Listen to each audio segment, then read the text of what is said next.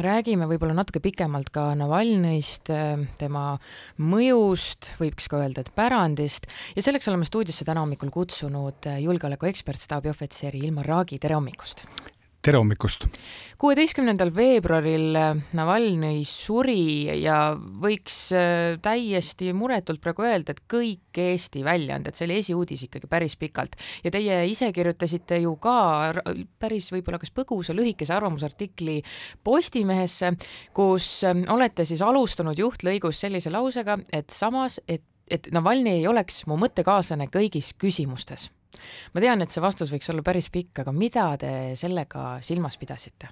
oma tegevuse alguses oli Navalnõi ütleme, keskmise Eesti maitse jaoks äh, liialt vene rahvuslane ja, ja noh, näiteks oli ta ka äh, ütleme, ta aktsepteeris Krimmi annekteerimise ja tunnistas vähemalt esialgu, et, et noh, põhimõtteliselt Krimm on siiski ju äh, Vene poolsaar või on alati olnud Venemaa oma see, kus me oleme hakanud Navalnõid hindama, on tulnud pigem sellest hetkest, kui ta otsis põhjust poliitiliselt vastanduda Vladimir Putinile või praegusele Kremli režiimile ja leidis, et, et korruptsioon on see peamine teema.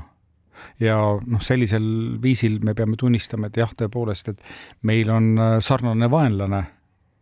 aga mul on tunne samas et läbi nende aastate, läbi viimase kümne aasta ka tema ise arenes äh, ja ligines võib-olla nendele positsioonile, kus, äh, kust meie siin läänes vaatame Putini poole. Hmm.. hästi äh, hästi keeruline on tänapäeva maailmas võib-olla tõesti orienteeruda, et kes on kangelane, kes on hea, kes on halb, sest et palju lihtsam oleks maailm sellisena, et kui keegi ongi halb ja keegi on hea, aga Navalnõi ei olnud vist päris ei hea ega halb, ta oli, tal oli palju halle sellist varje küljes, mida on raske öelda, mis need olid. jah, tal olid omad äh, hallid küljed, aga, aga ma arvan, et täna me peame sõltumata sellest, milline, millised võisid tema no erinevad vaated olla, tunnustama seda, et ta oli pühendunud mees äh, kõikides oma tegevustes oli ta sada protsenti seal oma Venemaa nägemuse eest väljas ja see noh, eelkõige, ta pärast mürgitamist, kus tal oli võimalus jääda läände, kus tal oli võimalus äh, olla selle lääne demokraatliku opositsiooniga koos, kellele äh, erinevad Euroopa, Ameerika fondid maksavad elu kinni, aga ta ei teinud seda. ta läks äh, Venemaale tagasi, teades, et et kui sind on üks korda üritatud tappa, siis tõenäoliselt tehakse seda uuesti. Ilmar Raag, no nüüd loeme me seda, kuidas sadu inimesi järjest arreteeritakse Venemaal, sellepärast et noh, kas just avaldatakse meelt, küll aga leinatakse, viiakse lilli Navalnõi mälestuseks ja Eestist on väga lihtne tõlgendada seda võib-olla enda jaoks sellega, et need inimesed, kes kõik on arreteeritud, on kindlasti Ukraina sõja vastu, nad on kindlasti väga läänemeelsed ja, ja noh, ütleks, ütleks, et meie moodi inimesed. kas see on võib-olla natuke liiga ennatlik äh, oletus äh, sel, sellel Venemaal toimuva kohta? see on kahtlemata liiga ennatlik, aga teisest küljest see, mida me näeme, see on ju vaid tühine kild vene rahvaarvu juures sellepärast et tegelikult on Venemaal nii-öelda meie sõpru või meie moodi mõtlevaid inimesi miljoneid, aga paneme selle protsentidesse ja noh, me näeme, et, et see ei jää, see ei tõuse kõrgemale kui kümme või viisteist protsenti. juba vähemalt kümme aastat tagasi, kahe tuhande nelja, vabandust, kahe tuhande kaheteistkümnendal aastal, kui toimusid Polotnõi väljakul meeleavaldused selle vastu, et Putin sai tookord uuesti presidendiks. Neid oli palju ja sel hetkel usuti, et võib-olla läheb siit lahti suurem demokraatlik liikumine. aga kuna see liikumine suruti väga repressiivselt maha, pärast seda on eriti noorte seas tekkinud lootusetuse tunne Venemaal, nad on väga apoliitilised, et noh, me võime ju tulla tänavatele, aga sellest ei tule mitte midagi. ja kui me võtame selle kümme protsenti, mis vene rahvaarvu juures on võib-olla siis kaksteist, kolmteist miljonit. no tegelikult kahjuks on see ebapiisav Ilmar Raag, te olete filmimees, te olete kommunikatsiooniekspert, julgeolekuekspert, te olete lugude jutustaja läbi elu olnud. kui vaadata seda meie lugu maailmas täna, mis te arvate, mis oli see põhjus või, või miks läksid asjad nii, et Aleksei, Aleksei Navalnõi neljakümne seitsme aastasena siis segastel asjaoludel pidi surema seal vanglas? Selle kohta ma usun, et me lähiajal ei saa tõest äh, vastust. Sellepärast et äh, isegi võib olla niimoodi, et ta, tal tõepoolest oli mingisugune loomulik terviserike, aga tuleb ikkagi arvestada noh, vähemalt kahte asjaolu. Äh, ta oli peaaegu, ta oli surmasuus, kui, kui teda mürgitati, ta toodi surmast tagasi ja teise asjana üsna nende noh, mõttetute valimiste liginedes viidi ta jutumärkides normaalsest vanglast äh, polaarjoone taha vanglasse, kus elutingimused ei olnud teps head, et ütleme, kui kui Euroopas, kui Eestis oleks selline vangla, siis oleks rahvusvaheline üldsus äh, meie kukil ja karjuks, et kuidas, kuidas te saate vange niimoodi kohelda, ka nemad on inimesed. nii et äh, selles suhtes see, et ta, et ta suri ähm, noh, see, selles ei ole midagi üllatavat, see oli juba ammu ette, ette määratud.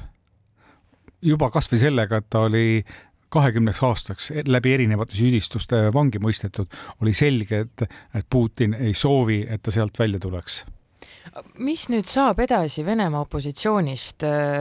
noh, ma ütlen ausalt, mina eriti peale Navalnõi enda võib-olla ei tulegi kedagi kohe pähe, kes oleks nii tulihingeliselt seisnud seal.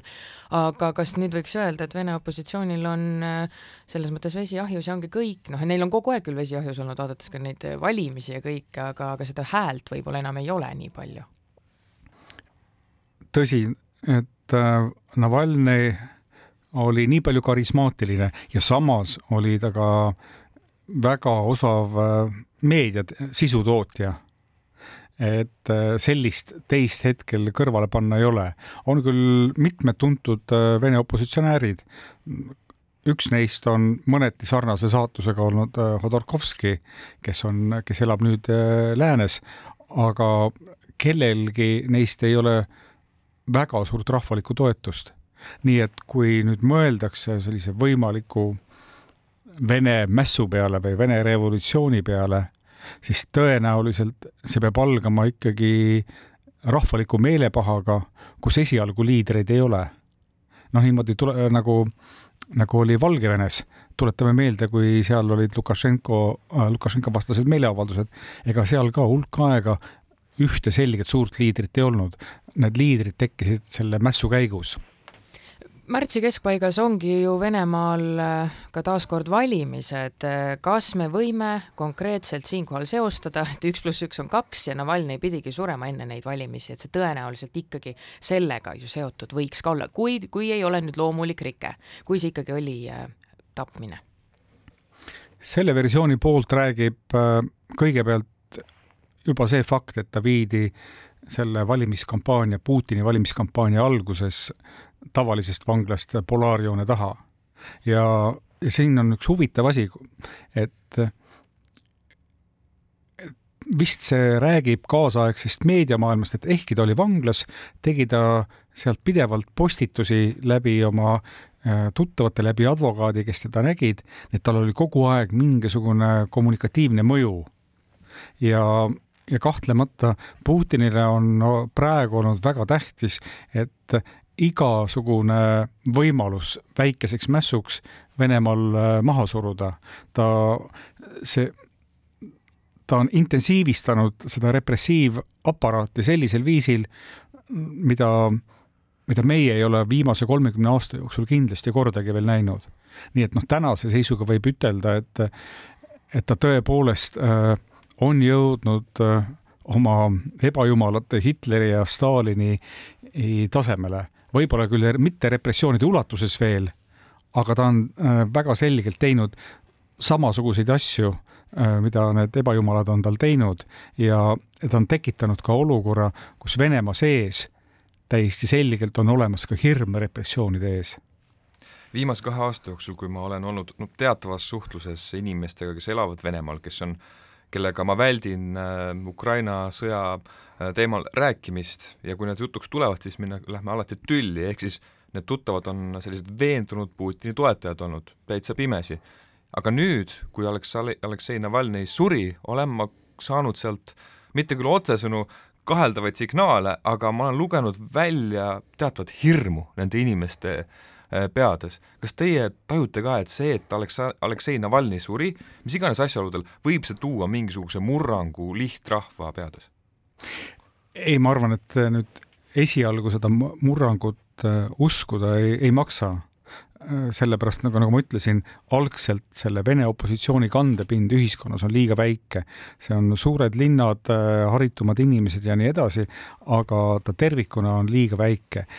küll aga, küll aga räägitakse Venemaa puhul praegu väga palju niinimetatud mustast luigest ehk et ootamatust sündmusest, mida me ei oska ette aimata, noh, see võib olla midagi väga lihtsat ja nõmedat. Äh, Putin libastub vannitoas ja kukub pea katki ja sureb.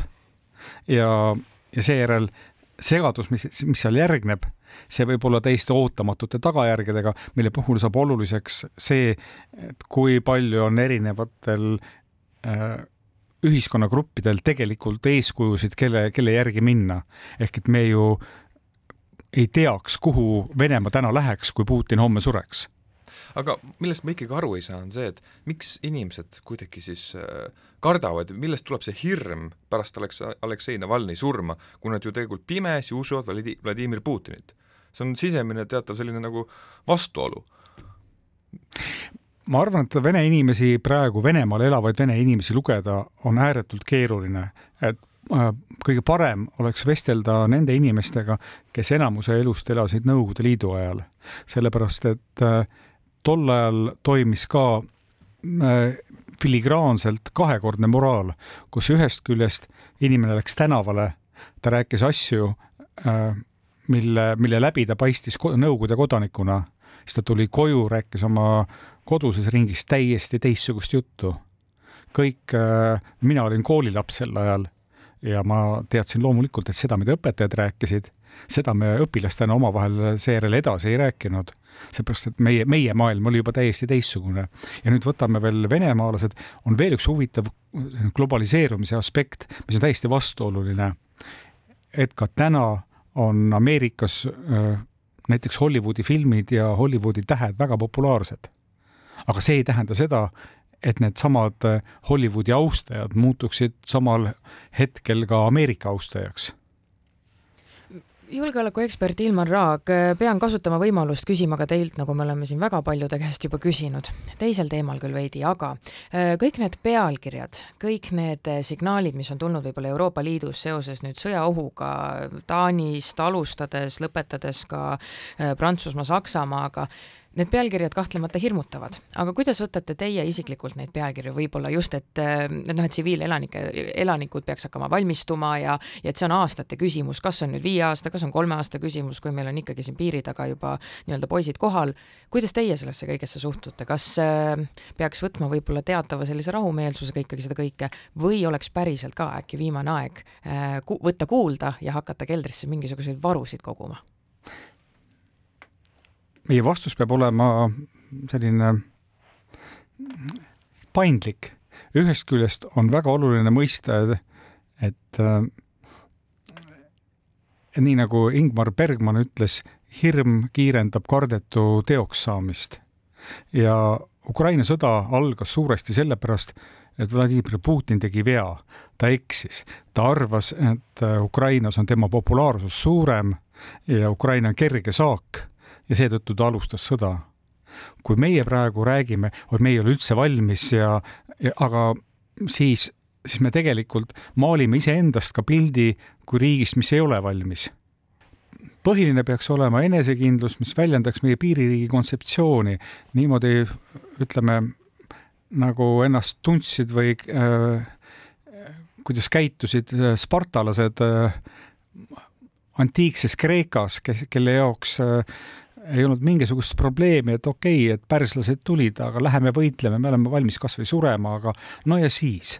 ja, ja tegelikult selline hoiak, kus, kus sa põhimõtteliselt oled alati valmis seda, seda viimast sammu astuma, valmis ka sinna sõtta minema, tegelikult on just täpselt see, mille pärast äh, võiks vastane arvata, et, et see sõda oleks tülikas ja võib-olla ma seda pigem ei tee.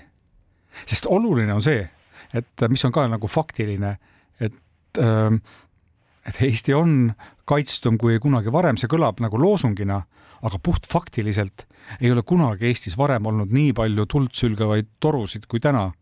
ja ei ole iial olnud nii palju väljaõppinud reserviste. nii et meil on tegelikult täna ka põhjust olla äh, enesekindel ja teaksime, et, et me ei oleks üldse mugav vastane äh, Venemaa jaoks. Niimoodi, et esimese asjana ma ütlen, et olgem enesekindlad ja rahulikud, aga äh, käitugem niimoodi nagu muistseaja sõdalased, kelle jaoks noh, see sõda ei ole, ei ole midagi erilist. ja siis on väga suur tõenäosus, et, äh, et me ei näe seda kunagi aitäh, Ilmar Raag, jutustaks hea meelega kauem, kahjuks aega ei ole, aga suur tänu teile täna meiega arutlemast. tänan kutsumast